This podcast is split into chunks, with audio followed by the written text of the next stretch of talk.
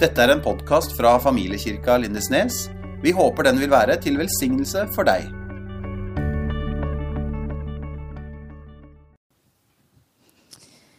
Jeg heter altså Åse Lene Hjortveit. For dere som kanskje kommer til å bruke hele talen på å lure på hvor gammel jeg er, så skal jeg bare si det med en gang at jeg er 28 år, er gift og har en liten sønn på halvannet år som jeg er ekstremt stolt av. Eh, og jeg er ungdomsarbeider her i menigheten. Og jenter, i dag er det deres dag. Jeg har lyst til å starte med bare å si gratulerer med dagen til dere. Dere er en skikkelig fin gjeng. Og meg og Anette vi har hele den gjengen og pluss to til der borte i jentegruppa vår. Og vi koser oss med de annenhver tirsdag, hvor vi får lov til å samles, henge sammen og bli bedre kjent. Og Vi har snakka mye om det jeg skal snakke om i dag, som er forbilde. Hvilke forbilder har du? Hvordan velger du forbilde? Hvem skal man velge som forbilde? Det er utrolig mange spørsmål. Og da har jeg funnet definisjonen på forbilde, og det er noe fullkomment eller beundringsverdig. Som tjener som mønster, modell eller ideal. Og sjøl så har jeg hatt ekstremt mange forbilder opp gjennom livet. Jeg har hatt forbilder i perioder forbilder i forskjellige sesonger av livet, til forskjellige aktiviteter. Men det er noen som har vært forbilde over en lengre periode. Og når jeg ble mor, så ble jeg veldig opptatt av å se liksom, åssen oppfører mødre seg rundt forbi. Åssen er de liksom som mor? Så prøvde jeg liksom å ta de kvalitetene, egenskapene, og så bruke de i min rolle som mamma.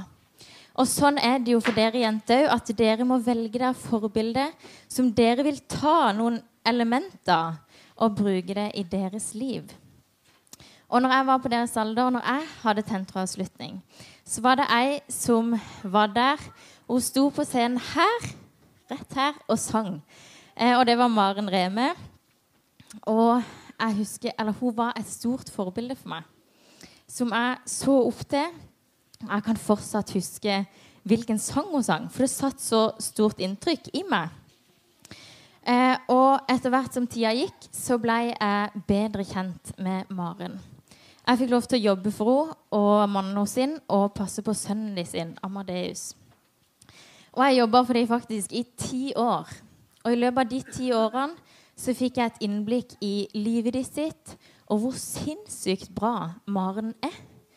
Eh, og det har jo gjort at jeg har forbilde, har hatt henne til forbilde over en lengre tid. For hun er gavmild. Hun er omtenksom, hun lever tett på Jesus. Og hun er opptatt av å kombinere det med å tro og det med arbeidslivet. Og ikke minst så er hun en kjærlig kone og mor. Som 14-åring så kunne jeg jo bare drømme om å bli kjent med det forbildet mitt som sto her framme og sang på min tentroavslutning. Men etter hvert så ble det en realitet. Jeg fikk lov til å bli kjent med henne og dele livet med henne. Og derfor har hun forblitt et stort forbilde for meg.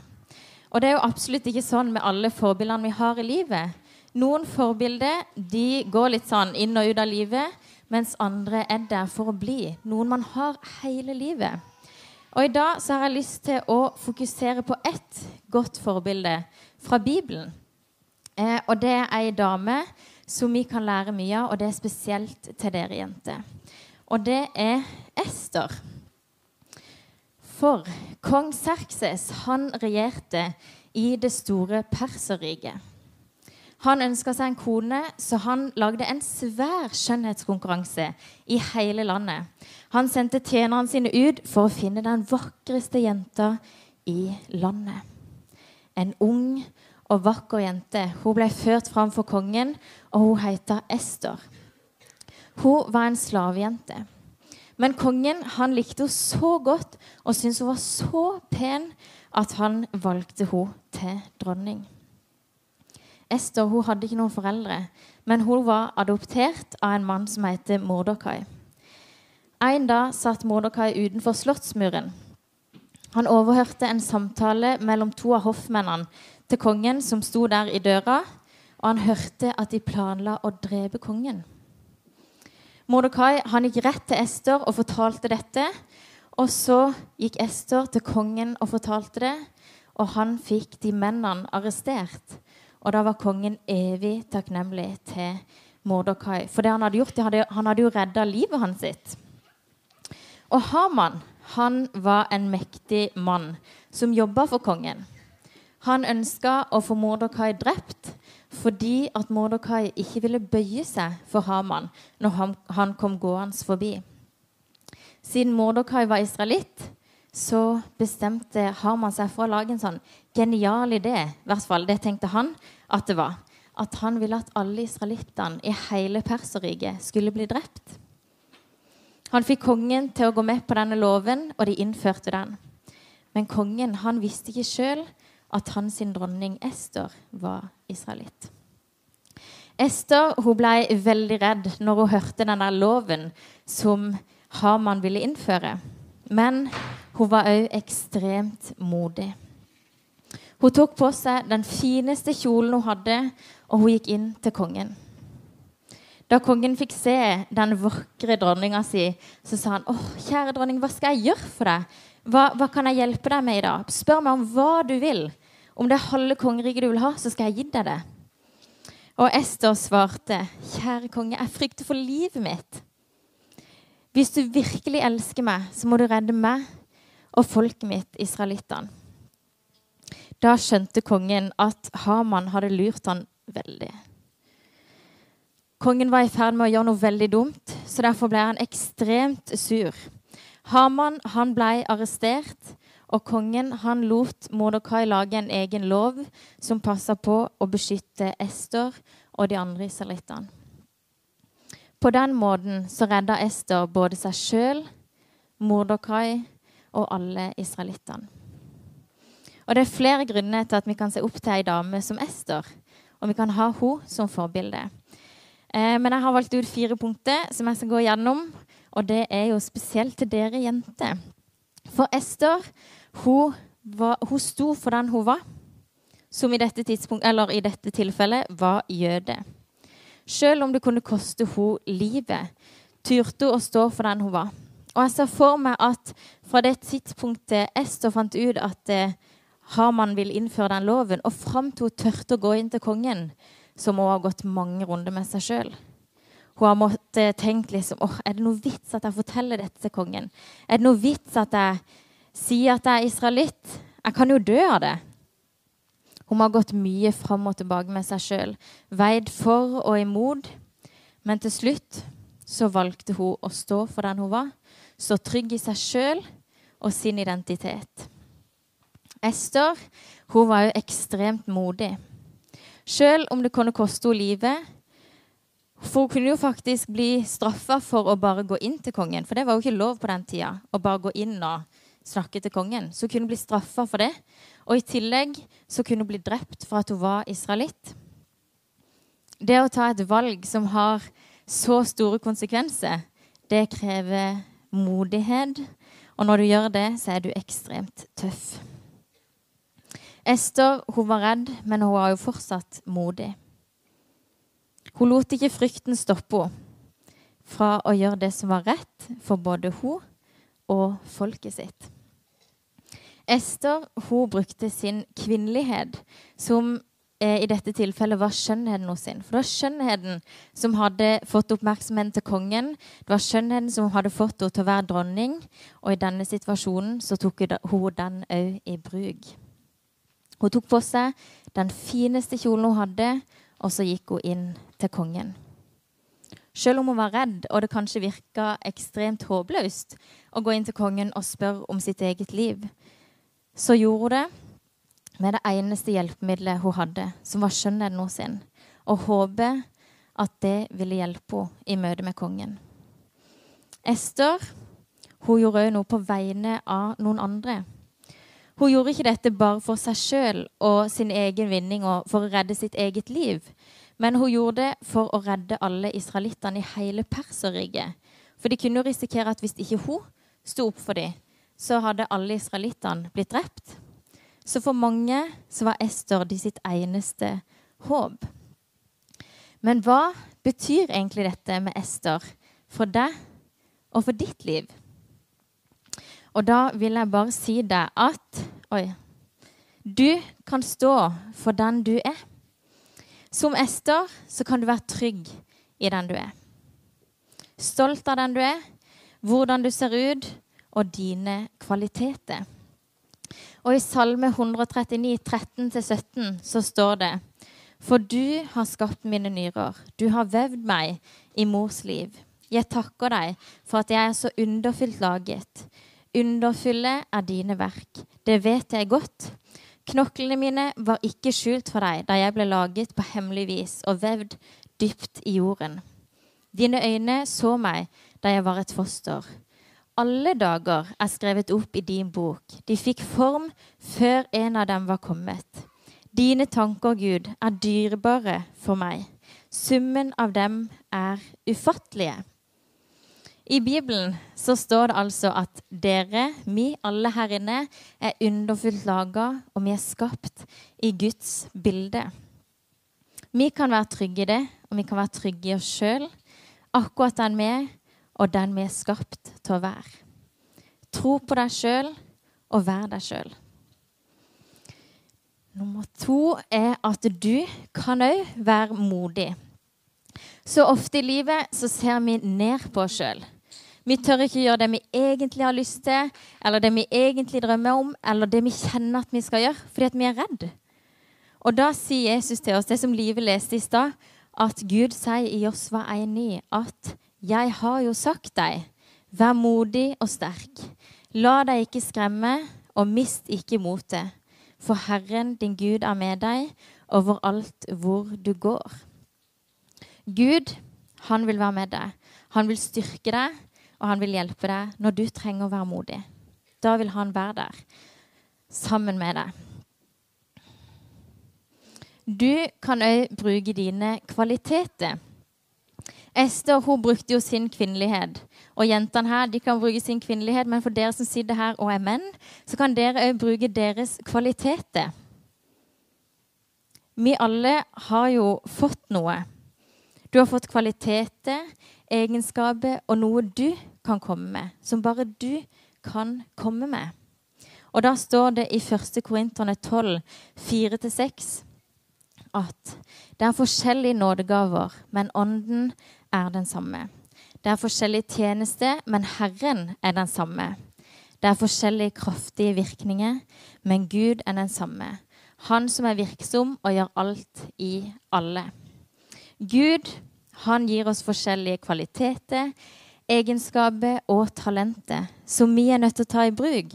Ikke bare for oss sjøl, men òg for andre. Og der kan du òg være med og gjøre noe på vegne av andre.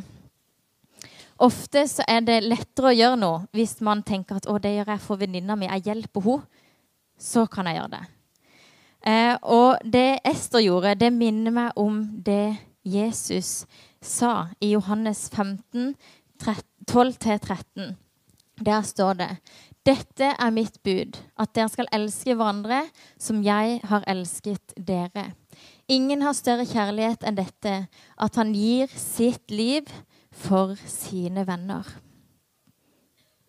Noen ganger kan det komme situasjoner hvor du er nødt til å stå opp for noen av vennene dine. Noen du har rundt deg. Og det kan koste noe for deg òg. Men da må du huske at Gud vil gå med deg. Du kan være modig, og du kan tro på deg sjøl. Så vil han være med. Og dagen i dag, det er en stor dag for dere jenter. Men det er bare starten på resten av livet. Livet, det er ditt liv. Og i gamle dager så var jo konfirmasjonen en sånn da hvor du gikk inn i voksenlivet. Og man sier det jo litt sånn fortullende at nå går du inn i de voksnes rekker. Men jeg tror jo at det er mange foreldre som er veldig takknemlige her i dag for at ikke ungene de sine er helt voksne helt enda. Eh, men jeg tenker at det er noe dere må ta med dere fra dagens fest og markering. Og det er at dere er store nok, gamle nok, til å ta enkelte valg for deres liv. Og dette året på Tentro så har dere lært ekstremt mye. Sånn som Kristina sa i stad, dere har vært innom mange temaer. Dere har lært mer om tro, om hvem Gud egentlig er. Dere har snakka om disse temaene, dere har reflektert, diskutert. Og nå er det på tide at dere tenker på tro. Det er et valg dere må ta stilling til etter hvert. Og nå begynner dere å bli store nok til å ta det valget sjøl. Dere tar og så bygge videre på den barnetroa dere har fått fra foreldre eller besteforeldre, og gir, gjør det til deres tro, deres personlige tro på Jesus. Og I Bibelen så sammenlignes vårt liv med et løp. Eh, og der står det i Hebreabrevet 12 at vi skal løpe med utholdenhet. Vi skal altså gå gjennom dette livet med utholdenhet. Vi skal gå med godt mot, og eh, vi har en fantastisk framtid i møte. Vi vet hva som venter oss, og vi vet at Gud vil gå med oss hele veien. Og I 1. Korinterne 9 så sammenligner også Gud, eller Paulus sammenligner livet med et kappløp, en stafett. Og han sier at i dette livet så løper vi bare fra en forgjengelig krans, en forgjengelig seier. Men hvis vi løper sammen med Jesus, så vinner vi en evig seierspris. Og Jeg vet ikke om dere eh, tenk, eller hva dere tenker når dere tenker stafett, men når jeg gikk på barneskolen her på Spangereid, så løp vi noe som heter Tinestafetten. Eh, og jeg husker jo at når vi løp på den løpebanen, så hadde vi en sånn en stafettpinne i hånda. Og så, eh, på et tidspunkt av den der løpebanen så skulle vi jo gi den videre til nestemann. Og i en sånn stafett så er det bare én vinner, eller ett vinnerlag. Og den førsteplassen man får der, det er jo en forgjengelig seier. Men du har fått en stafettpinne i ditt liv som du kan løpe, og du kan vinne en evig pris med Jesus. Vi har fått en stafettpinne og et løp. Min stafettpinne det er min løpebane, og din stafettpinne, det er din løpebane. Alle løp er forskjellige, og de er unike. Hvem ønsker du å ta med deg på ditt løp? Hvem ønsker du at skal løpe sammen med deg, ved siden av deg? Hvem vil du at skal heie på deg på veien gjennom livet?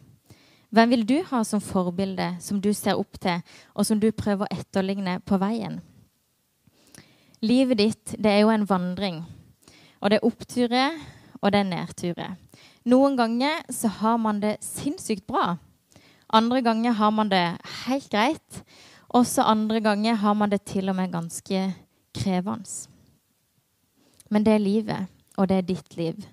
Og du må velge åssen du skal håndtere det.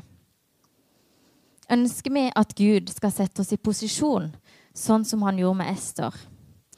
Hun ble satt i posisjon, hun var modig, hun var sterk, hun var trygg i seg sjøl, og redda hele folket sitt. Livet med Gud, det er spennende, det er utfordrende og ekstremt trosstyrkende. Og Gud, han vil være med deg hele veien hvis du ønsker å ha han med på ditt lag. Du kan velge om du vil leve dette livet som det eneste du gjør, eller du kan leve dette livet med en visshet om at du har et annet rike i vente. Og det er ingenting annet jeg ønsker for dere jenter fra dypet av mitt hjerte enn at dere skal velge å ha Gud med på laget deres. Og helst gjennom hele livet. Og Før jeg avslutter, så vil jeg komme med en liten oppfordring til dere som har hjulpet meg ekstremt mye gjennom de få 28 årene jeg har levd.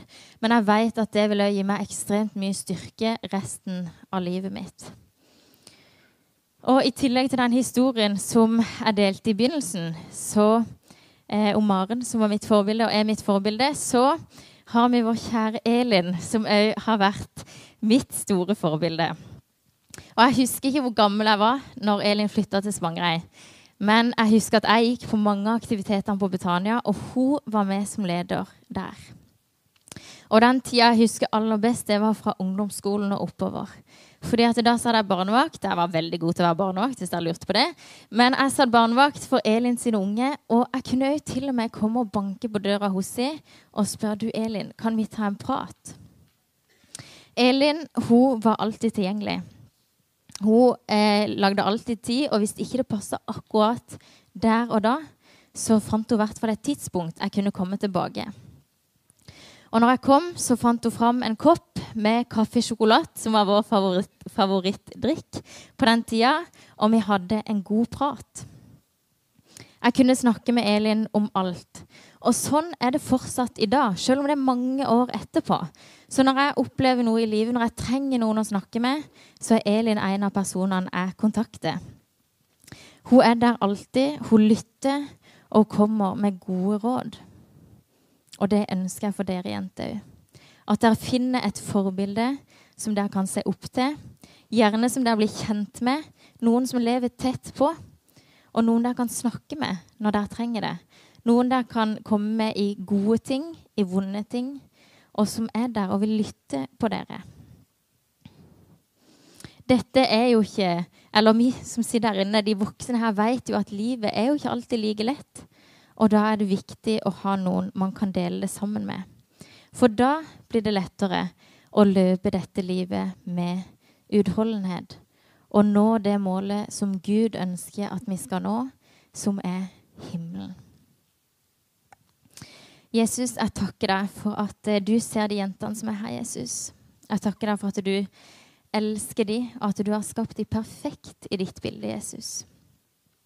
Jeg ber om at du skal styrke dem og hjelpe dem gjennom livet. Jeg ber om at de skal finne gode forbilder som de kan lene seg på, som de kan dele livet med, og de kan se opp til Jesus. Så jeg har bare lyst til å legge resten av den dagen og òg resten av livene til disse jentene i dine hender, Jesus. Amen. Tusen takk for at du hørte på vår podkast. Følg oss gjerne på vår Facebook-side Familiekirka Lindesnes.